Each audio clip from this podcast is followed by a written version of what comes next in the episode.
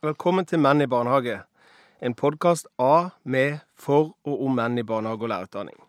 I denne serien ønsker vi å ta opp tema som berører likestilling og mangfold i barnehagen og i barnehagelærerutdanninga. Med meg har jeg Arve Hansen Hei, hei. og Morten Halvorsen. Takk for sist. Og mitt navn er Svein Hedland. I siste episode snakka vi med Åsta Einstadbland, og vi undra oss over hvorvidt menn bør være mer opptatt av barnehage og likestilling. Fikk vi et godt svar på det, Morten? Ja, jeg syns bare hun bekrefta hvor viktig dette var, både i argumentasjonen sin, og jeg syns det ga oss god eh, ryggdekning for eh, det vi har eh, lagt opp til, og det vi er i full gang med nå.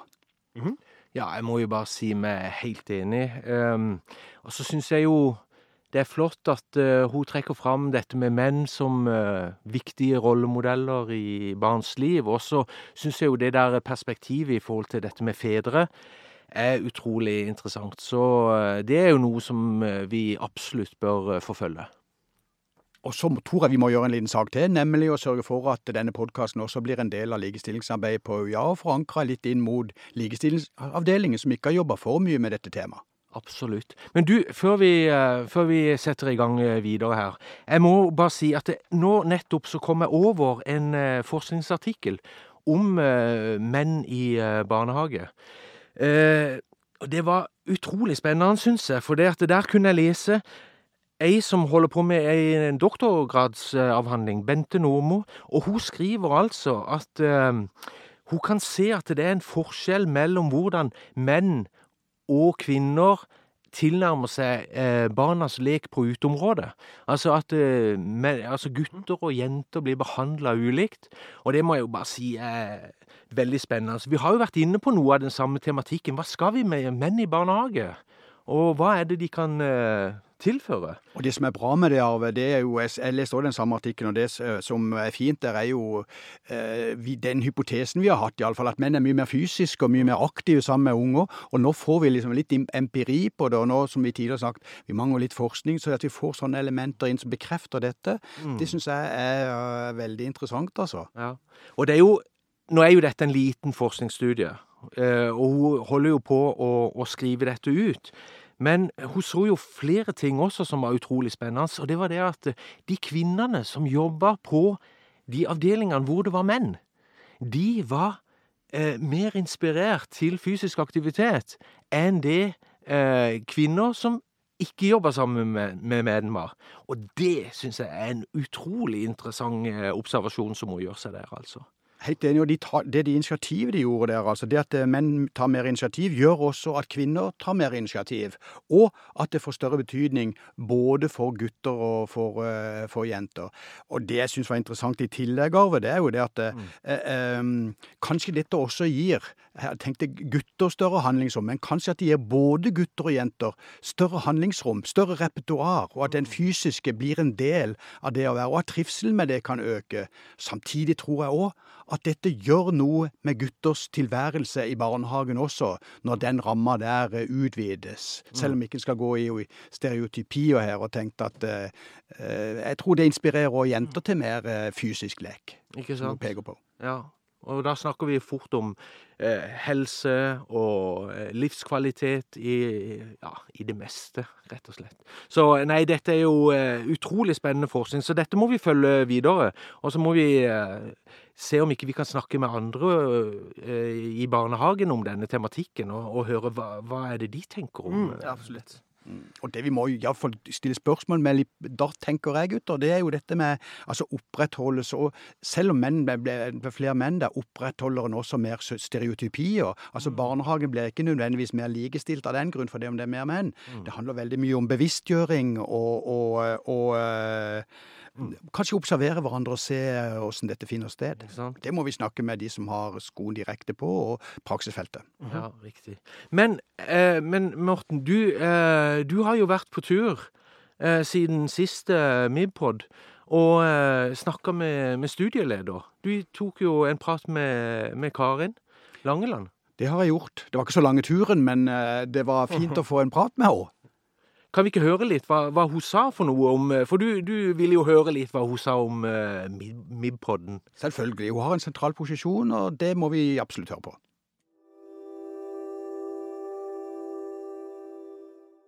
Jeg syns at det er flott at det blir lansert en Miblu-pod. En pod som kan sette søkelys på eh, hvorfor det er viktig å ha menn i barnehage. Eh, vi vet jo er, altså Dette er et arbeid som tar kjempelang tid. Og en kan jo bli litt sånn motløs når du ser på utviklinga, at ikke det skjer mer på kortere tid. Men da er det eh, veldig viktig å holde fokus oppe, holde samtalen i gang. Og det, eh, i sånn sammenheng er det kjempeviktig med denne podkasten. Og så tenker jeg òg at eh, en podkast inviterer til noen samtaler og noen refleksjoner. Eh, og det tror jeg er en, et godt format for kanskje å bore litt dypere og eh, øke kunnskapen og, eh, og refleksjonene rundt problemstillingene. For det er litt vanskelige problemstillinger òg. Det, det er ikke helt sånn rett fram, tenker jeg, eh, knytta til dette temaet. Så det er kjempebra at du ikke er denne podkasten. Ja, Morten. Ja, jeg syns det er jo spennende perspektiv. Hun er jo rett inne i akkurat det vi har drøfta her eh, tidligere.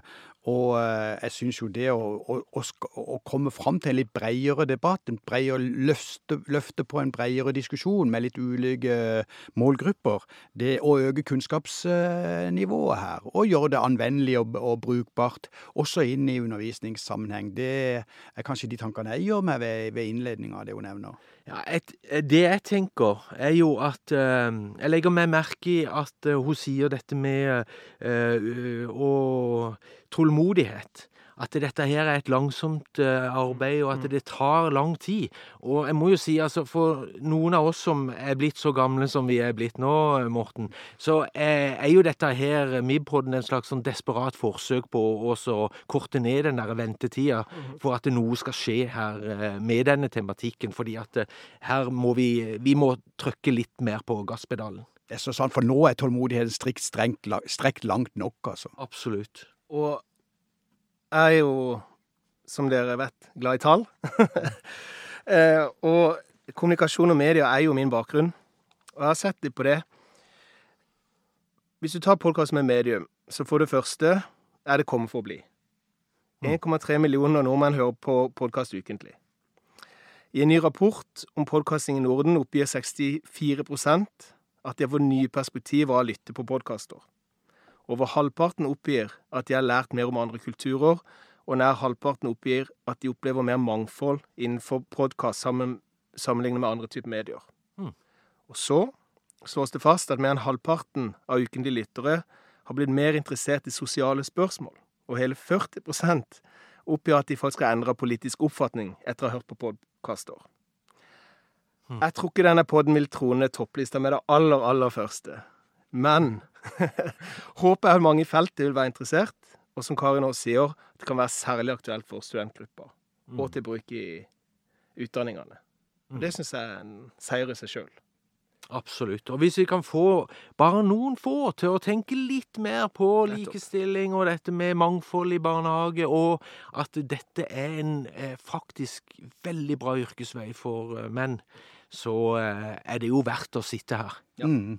Og så tror jeg jo at det er sånn at eh, altså hvorfor lage en podkast? Jo, fordi alle andre gjør det. Det er jo litt der òg, gutter. Men samtidig så tenker jeg, det, det, det, Svein, det du påpeker, det med tall og statistikk og sånn, tyder jo på at det er, der er ting som, som, som påvirkes av dette. Og så tror jeg jo det, når det er en trend at mange gjør det, så gjør enda flere det. Og det er jo et medium som vi veldig gjerne vil nå ut med våre fantastisk spennende budskaper, må vi vel si. Jeg tror absolutt det er et sted der vi kan treffe lyttere. Men vi må ikke glemme at vi har en eh, episodevis undringsspørsmål. Det er sant. Og dagens spørsmål er hvorfor er det så vanskelig å rekruttere menn til jobb i barnehage og som barnehagelærere? Og du, Morten, du tok jo Du måtte jo spørre Karin òg om dette her, gjorde du ikke det? Jo da. Du benytta vel sjansen? Ja, det selvfølgelig gjorde jeg det, altså. Så, så det må vi også eh, selvfølgelig eh, lytte nærmere til og kommentere.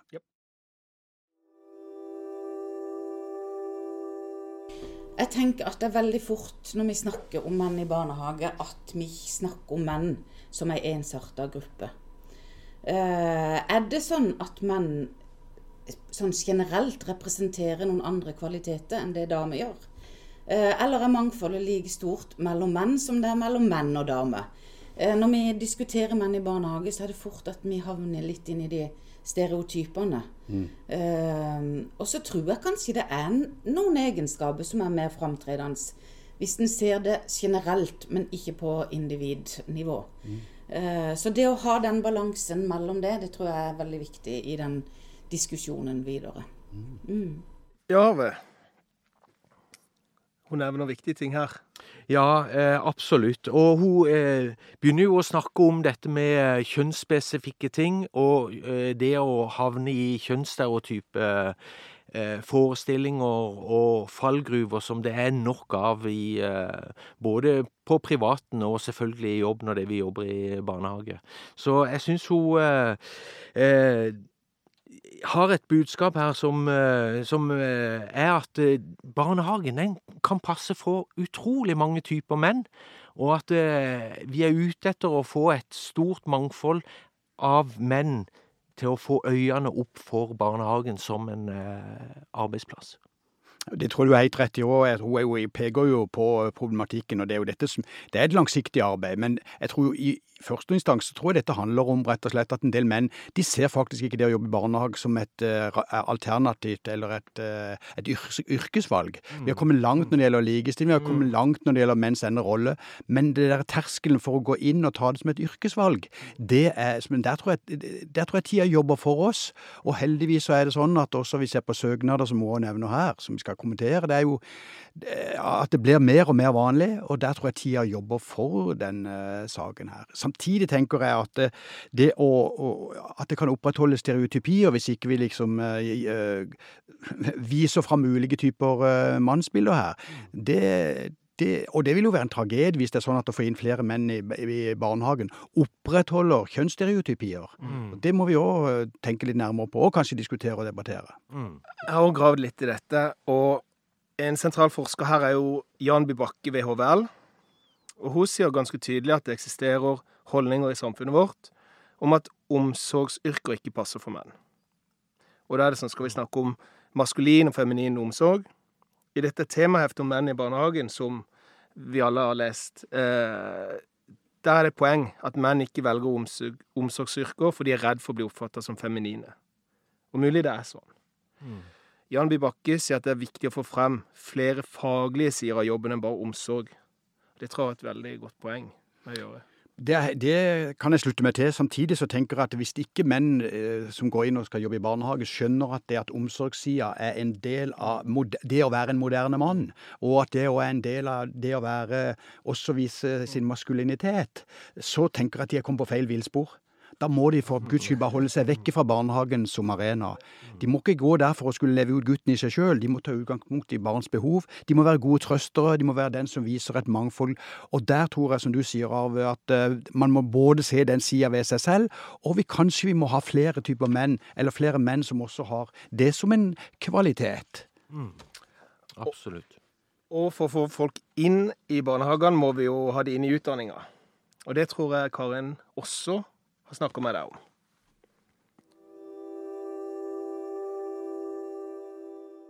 Hvis en ser på tallene de siste ti årene, så gjenger det veldig opp og ned. Eh, det er fra 10 til ja, 20-25% menn som søker til utdanninga. Eh, I år, eller ikke i år, i 2022, med dette studieåret start, så var det altså eh, veldig forskjell på søkertallene og de som faktisk registrerte seg. Så det var de laveste søkertallene på veldig lang tid. Mm. Men antall registrerte studenter var, er det høyeste vi har hatt på ti år. Mm. Så det er altså 24% som registrerte seg med oppstart eh, til studiet. Men det var bare 17% av totalen som søkte. Så eh, det var flere av de som faktisk begynte. Så det er jo veldig bra. Ehm, det er litt lavere tall i Grimstad enn i Kristiansand. Men det er jo her vi vager hele tida. Vi hadde et sånt rekordår i 2016, var det vel. Da det var over 30% mannlige studenter som søkte. Men det var ikke så mange som registrerte seg. Så eh, jeg tenker vi må ha et fokus både på å rekruttere, men også på å beholde de vi har i utdanninga. Og da, eh, For vi ser jo at i forhold til gjennomstrømming, så er det eh, litt lavere prosentandel av menn som eh, fullfører, enn damer. Eh, så jeg håper jo at denne podkasten her òg ikke bare handler generelt om menn i barnehagene, men òg åssen er det å være student i barnehagelærerutdanninga. For jeg, jeg, tror jo at det å få studenter på banen, mannlige studenter, kan utfordres litt. For kanskje vi er med å opprettholde litt sånn ubevisst eh, noen eh, sånn kjønnsstereotyper og de tradisjonelle. Jeg tror det er veldig mange damer som underviser i barnehagelærerutdanninga. Mm. Og hva gjør det med hva vi velger, hva vi framhever, hva vi prioriterer? Eh, så det hadde vært bra å få inn noen eh, mannlige studenter til å samtale om dette og bore litt mer mm. i det. Så det håper jeg de ikke tenkte å gjøre. Det vil Men, være, jeg må bare si, det ja. vil være veldig nyttig for uh, meg som studieleder, og jeg tror for faglærerne i utdanninga, uh, og studentgruppa, å høre de samtalene. Jeg tror det vil gi oss noen perspektiver, og gjøre at vi kanskje gjør ting på noe andre måte mm. enn, det vi, um, enn det vi gjør i dag. Da fikk vi jo både tips til flere episoder og alt mulig. Absolutt, altså. Ja, det er en uh, ivrig studieleder vi hørte her. Men du, uh, Morten, kan jeg spørre deg, uh, før, før, vi kommenterer noe mer av disse tallene og, og momentene som hun bringer inn. kan du si forskjell på hva, hva med studenter som søker, og som ikke registrerte seg?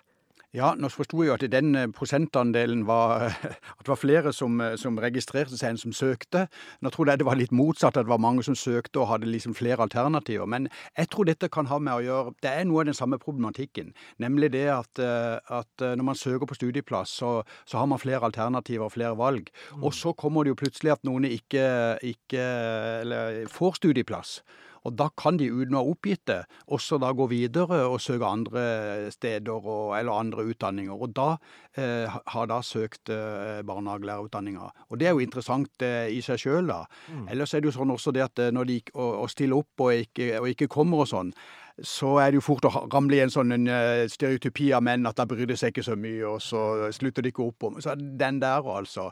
Men eh, det interessante i det er jo for, for Altså det at uh, flere ser det som et alternativt uh, studievalg. Mm, ikke sant? Å ha det som en backup-plan eh, hvis det skulle bli aktuelt. Og det hadde jo vært utrolig interessant å se på tallene over tid, om den gruppen av menn har økt.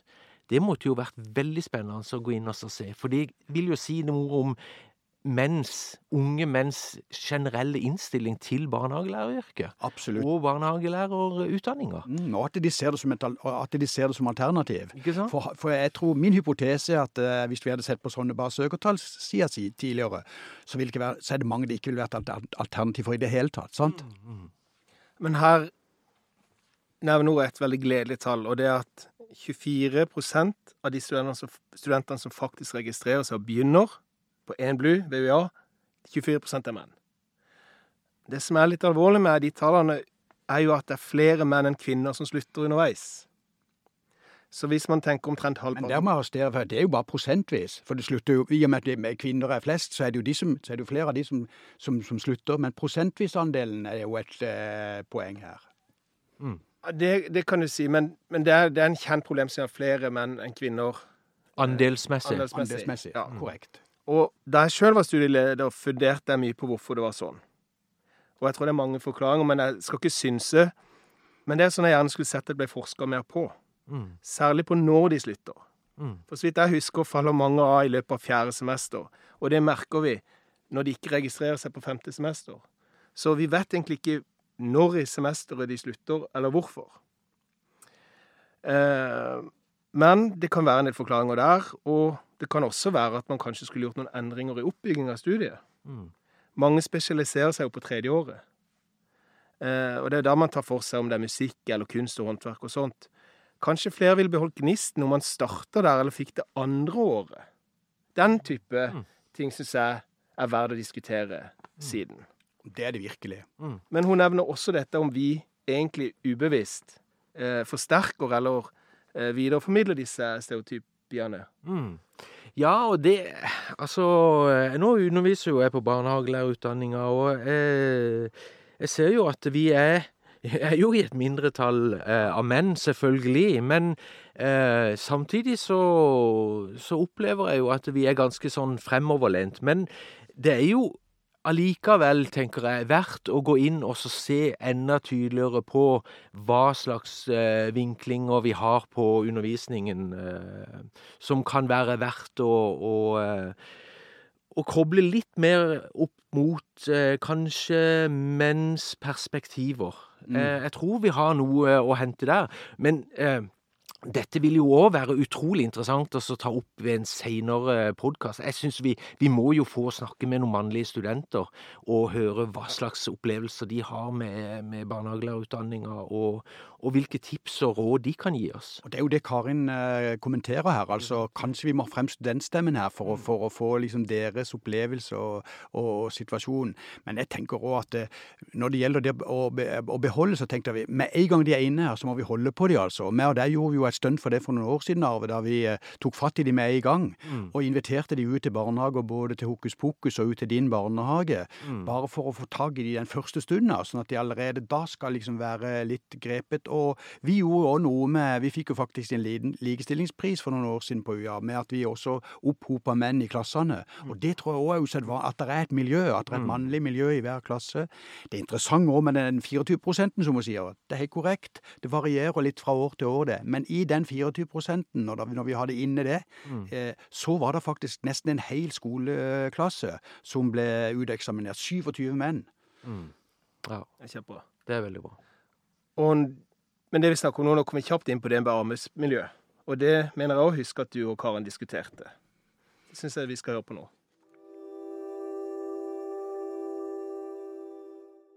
Men jeg, jeg det første jeg har lyst til å framheve, det er at jeg så når det var mange menn der, så gjorde det noe med arbeidsmiljøet for de mennene som var der. Det å ha et fellesskap. Eh, det tror jeg var veldig viktig for de som jobba der, og det bidro veldig positivt. Når det gjelder profesjonsfellesskapet, eller det faglige fellesskapet, så samarbeider, de, altså så samarbeider alle like godt, uavhengig av, av kjønn. Men i forhold til det sosiale og trivselen på jobb, så tror jeg det var viktig å ha det fellesskapet med flere menn. Mm. Eh, en annen ting jeg så, det var at fedre eh, i større grad tok kontakt med de mannlige mm. pedagogene eh, og de mannlige ansatte enn en med de kvinnelige. Og det tenker jeg jo er naturlig, egentlig. Og det var veldig bra. De fikk en kommunikasjon på en uh, annen måte enn det de kvinnelige pedagogene gjorde. Jeg vet ikke om fedrene hadde mer tillit til de, eller det, det var, Jeg har ikke forska på dette for å vite, men en så at det hadde betydning for å få fedrene mer på banen i barnehagen. Mm. Uh, og så så jeg jo òg at um, det var viktig som rollemodell. Vi hadde jo innom gutter uh, i arbeidsuke, i arbeidspraksis, vi hadde studenter. Vi hadde, um, vi hadde uh, legeressurser en stund. Um, og jeg ser jo at det å da ha menn som er rollemodeller for deg, det var veldig viktig. Mm.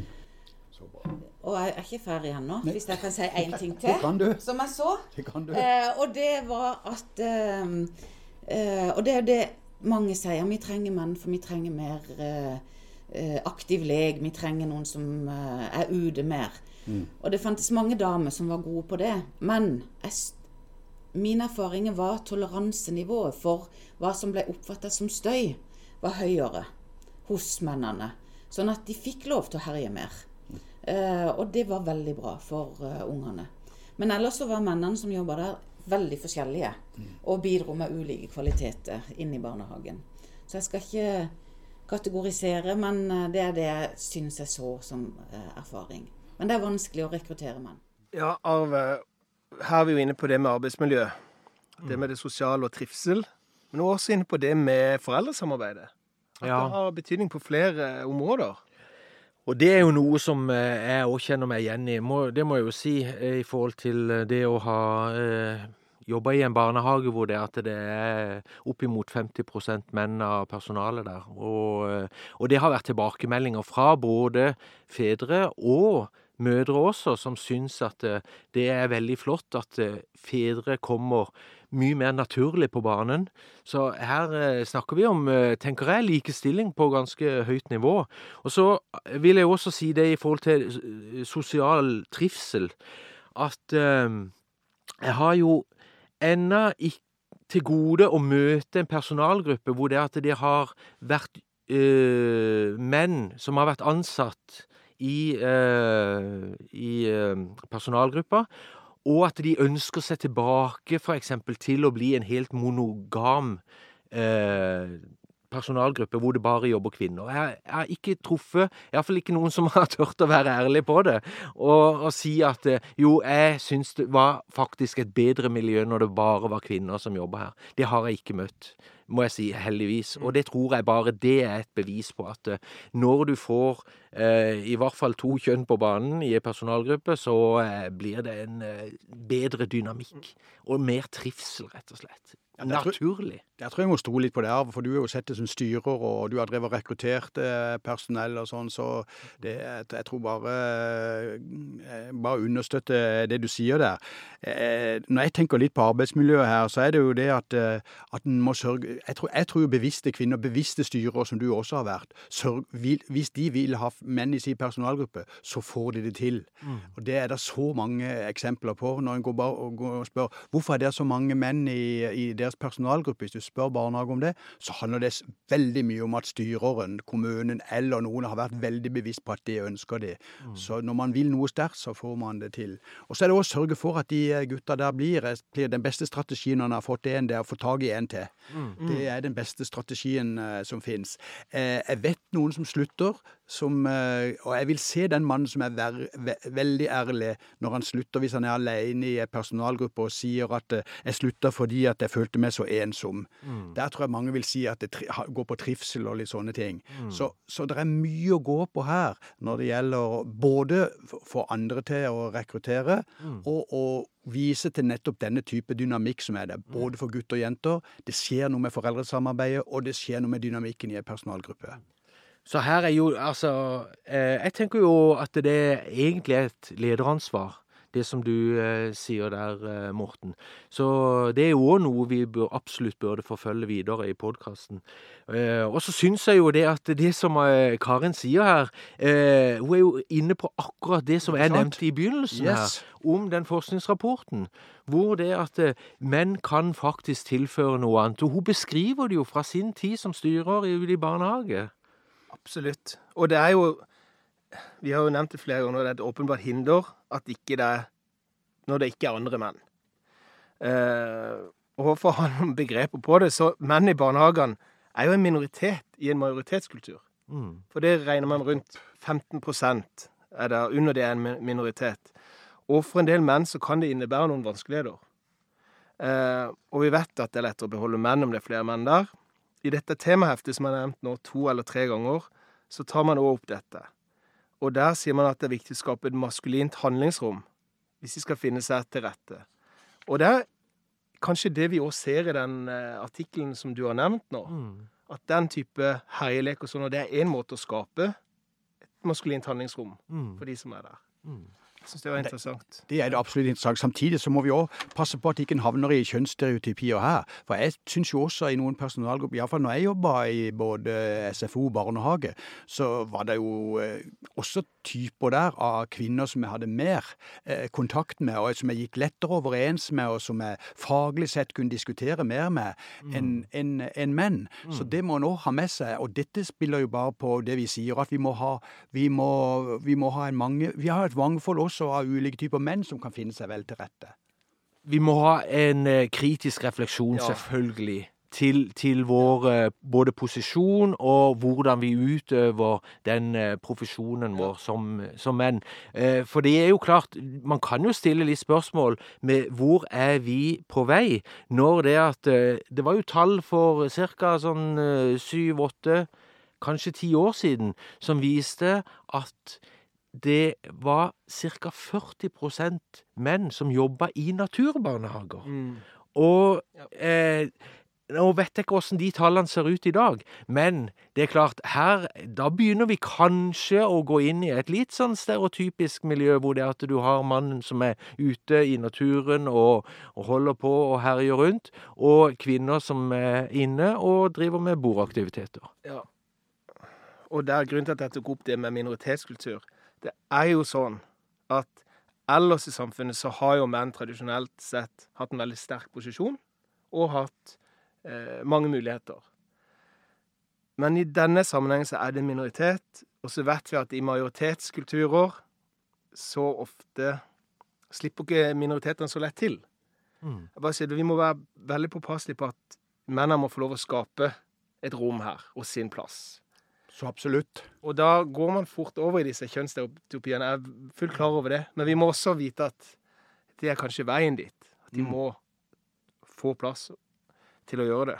Men vår egen Lisa Brandt i denne forskningsartikkelen er jo også inne på det som jeg syns er veldig interessant, nemlig at eh, en bevisst barnehage, som også er bevisst gutter og jenter og måten de er rollemodeller for, eh, for barn på, de skulle kanskje også tørre å være, vise noen menn som på en måte viser omsorg, som er de som har tegn- og bordaktiviteter, som skifter bleier, er på kjøkkenet, og jenter som går ut, er på tur, aktive.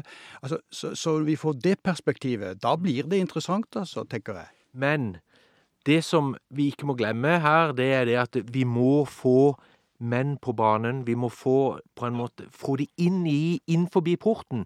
Og da kan en ikke begynne å så tenker jeg, Det første du stiller spørsmål til, det er det at ja, men du vil vel begynne å gjøre eh, alle de andre typer aktivitetene som det vi holder på med her hele tida. Altså jeg syns det er ganske naturlig at man spør om hva kan du tilføre, hva er det du har lyst til å gjøre? og fra der begynne å jobbe, og det, det er liksom der, tenker jeg, vi må også våge å ha en sånn Altså, det er komplekse prosesser og komplekse situasjoner vi snakker om her, for å kunne klare å skape en kultur. Og vi vet at det krever langsiktig satsing, og at det er vanskelig å rekruttere menn. Ja, og så er det jo det at du slenger, det er som er studentene, du slenger jo ikke pensum i hodet på de første da. Og Mm. ikke sant, når du skal drive med rekruttering og rekrutteringsvideoer på kampanjer og sånn, og så kjører Forsvaret en kjempelang serie om jagerfly og sånn, da, da, da er det jo noe med hvilke strategier også vi bruker i mer uh, i mykere yrker, for å bruke det. Selv om, vi, selv om jeg tenker at uh, det, det, er godt, det er godt mulig å være en uh, maskulin mann med ei god omsorgsside. Ja. Absolutt. Men dette er òg noe du snakker med Karin om. Da tar vi siste bolk med Karin.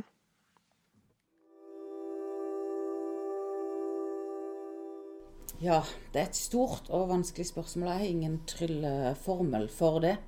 Eh, jeg tror jo at det vi ser i barnehagen, det representerer jo veldig kjønnsrollene eh, som er i samfunnet for øvrig. Mm. og vi ser jo at det tar tid å endre. Yrkesvalg er fortsatt veldig kjønnsdelt. Eh, så det, det tar tid å endre, men jeg tror det trengs veldig eh, samordna nasjonale satsinger på det. det. Det må satses langsiktig, og det må jobbes på mange felt samtidig for å få det til. Så eh, jeg tror ikke det er en enkelt rekrutteringskampanje eller eh, eh, enkelttiltak som, eh, som vil eh, løse det. Det trengs en langsiktig satsing. Det må jobbes. Vi vet noe om hva som påvirker yrkesvalget til guttene. Eh, Det ene handler om mestring, eh, hva, de opplever mestring i. Og det andre handler om hva fedre anbefaler de. Så vi må jo jobbe på veldig mange nivåer. Skal vi ut og påvirke fedre i forhold til yrkesvalg? Men jeg tror en må bruke den forskninga som finnes til å lage sterke nasjonale satsinger.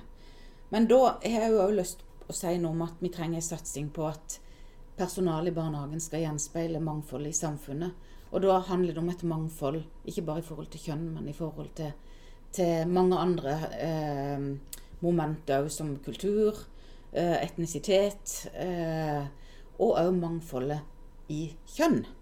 Så her er det mange ting en må ha fokus på i den sammenheng. Så, men her på UiA så tror jeg vi må ha et fokus på gjennomstrømminga. Hva gjør vi for å sikre gjennomstrømminga? Og eh, vi gjør noen tiltak i dag i forhold til klasseinndeling, i forhold til praksislærere. Det tror jeg er bra. Og så tror jeg vi må jobbe generelt med læringsmiljø og se på arbeidsmetode, vurderingsformer, som er med å drive studentene framover. Som jeg tror kan være bra for alle studenter, uavhengig av kjønn. Da sier vi takk til deg, Karin Langeland, mm. og, eh, og, lykke til i det arbeidet på, på i barnehagelærerutdanninga. Og så håper vi kan ha deg som gjest ved senere anledning. Og kanskje vi har noen andre uh, perspektiver eller andre mer gledelige tall å vise til, til da. Hvem mm. vet? Ja, det håper vi. Takk skal du ha. Her var vi innom både med gjennomstrømming og, og andre tiltak. Det var vi. Eh, hun tok ut det med trylleformular, og jeg tenkte med en gang mm. Det er jo det denne podkasten skal være. Den skal trylle fram litt saker og ting. Den skal trylle fram mangfold, den skal trylle fram flere strategier. Den skal ta for seg ulike tema innenfor dette mangefasetterte Nye perspektiv. Ikke sant, altså. Men jeg tror hun har veldig rett i at til nå så har det vært litt sånn i rykk og napp. Og det har jo til gangs nevnt av at eh, vi er utålmodige. Det, mm. det tar så tid. Mm. Men jeg tror en bare må innse det. altså Tradisjon og historikk er jo det som er de faste er jo sett å gjøre de lange spor. Så jeg tror eh, Men jeg syns hun er inne på det å, å, sette et enda litt mer, mer, trøkk på dette.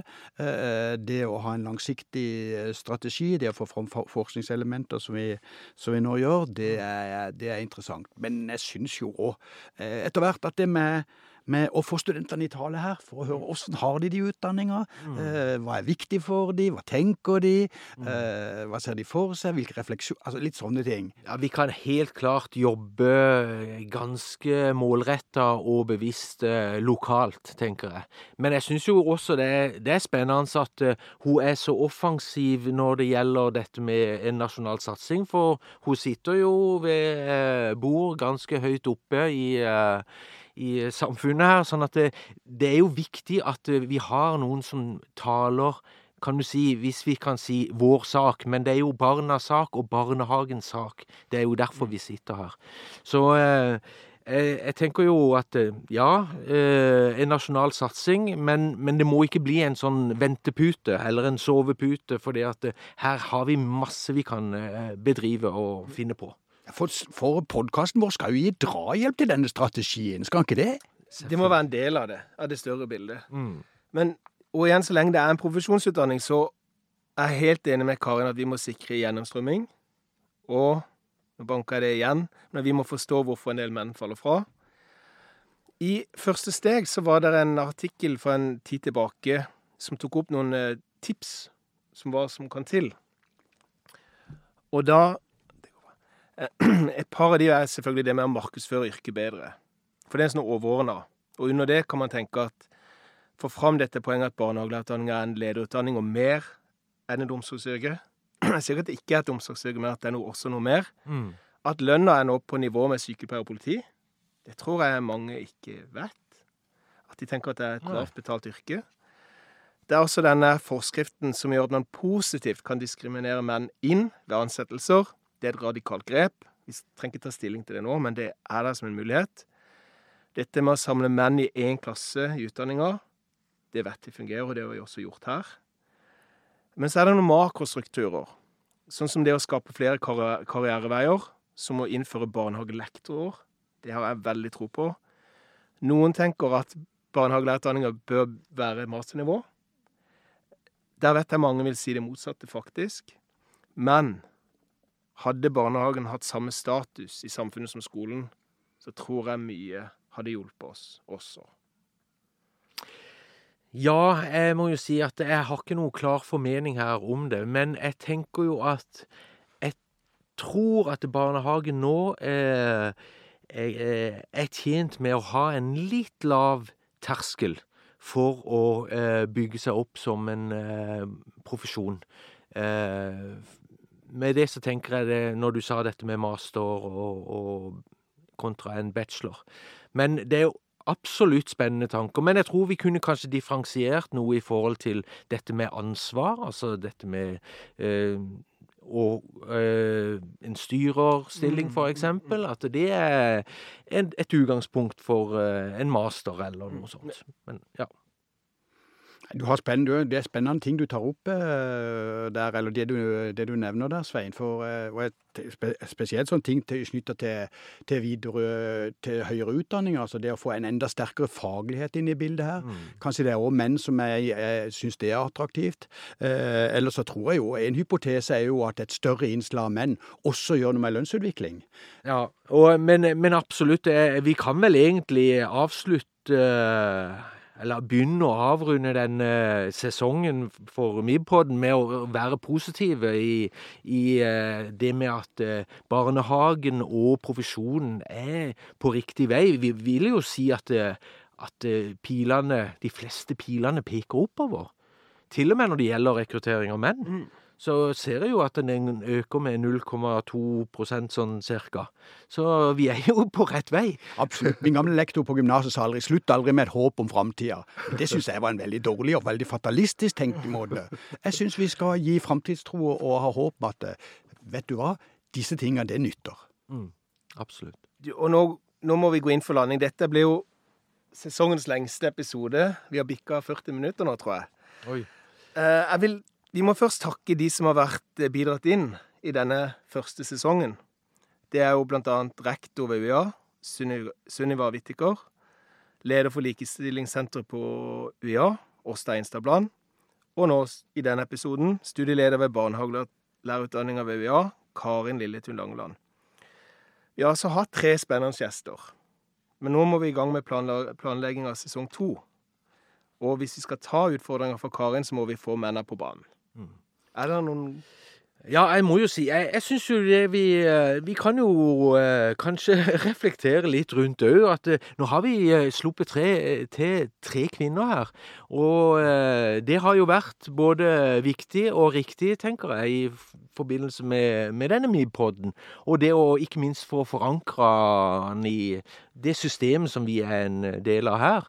Men ja, vi må få menn på banen. Det er jo absolutt noe av årsaken til at vi sier det. Altså, jeg tenker jo det at jeg sitter og brenner litt for å snakke med en mannlig praksislærer, og for å høre litt om hvordan eh, er de sin eh, vurdering eh, i forhold til menn i barnehage. Ja, jeg er helt enig. Altså, nå har vi, vi sittet dannet og pent og snakket med, med, med flotte og dyktige damer.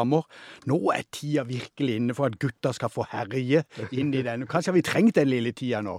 Nå skal gutta inn og herje litt i denne podkasten. Nå skal gutta frem, altså. Men, men, det var jo et eh, perspektiv her som Karin trakk fram. Eh, dette med disse her uh, mannlige studentene. Ja. Der må vi også, tenker jeg, litt sånn kjapt få de på banen. Ja. Enten snakke med noen som nå eh, går ut i løpet av dette året, eller at vi snakker med noen som kommer i, i, i, fin fart mot å fullføre studiet. Ja. Kanskje begge to, faktisk. Ja, kanskje det. Jeg tror det. Ja, eh, men så er det jo et annet eh, perspektiv som jeg òg vil berøre, som Karin var så vidt innom, og det var dette her med mangfoldsperspektivet. Det å ha et litt sånn utvida mangfoldsperspektiv. Eh, mangfold? Eh, ja, jeg sa vel egentlig det. Ja. Men jeg, jeg, tror jeg mente mangfold. Bra.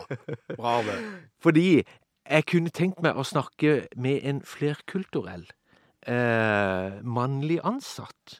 Enten ja, en pedagog eller om eh, hvem som helst, mm -hmm. men med en litt annen eh, bakgrunn. Eh, går det an å si at en sånn person ville vært en slags eh, dobbel minoritet? Det vil jeg tenke. På godt poeng. Mann, flerkulturell. Ja, ja da, er vi, da er vi veldig trendy i tida, og det er vel det denne podkasten skal være òg, er det ikke det? Absolutt. Da begynner vi å få en plan for sesong to. Mm. Men dere... Det passer veldig godt også på Sørlandet, og ikke tro at alt er bare whitewash her, altså. I, det som er preget av vår tid, det er jo absolutt det arvet. At vi har et mye større perspektiv av det demografiske også i vår landsdel. Det skal vi se på. Ja. Det må vi ta inn over oss. Det gleder jeg meg til. Men der tror jeg vi setter strek for dagens episode. Vi takker for følget. Og vi møtes over sommeren for å planlegge og spille inn neste sesongs tre episoder. Takk for denne gang.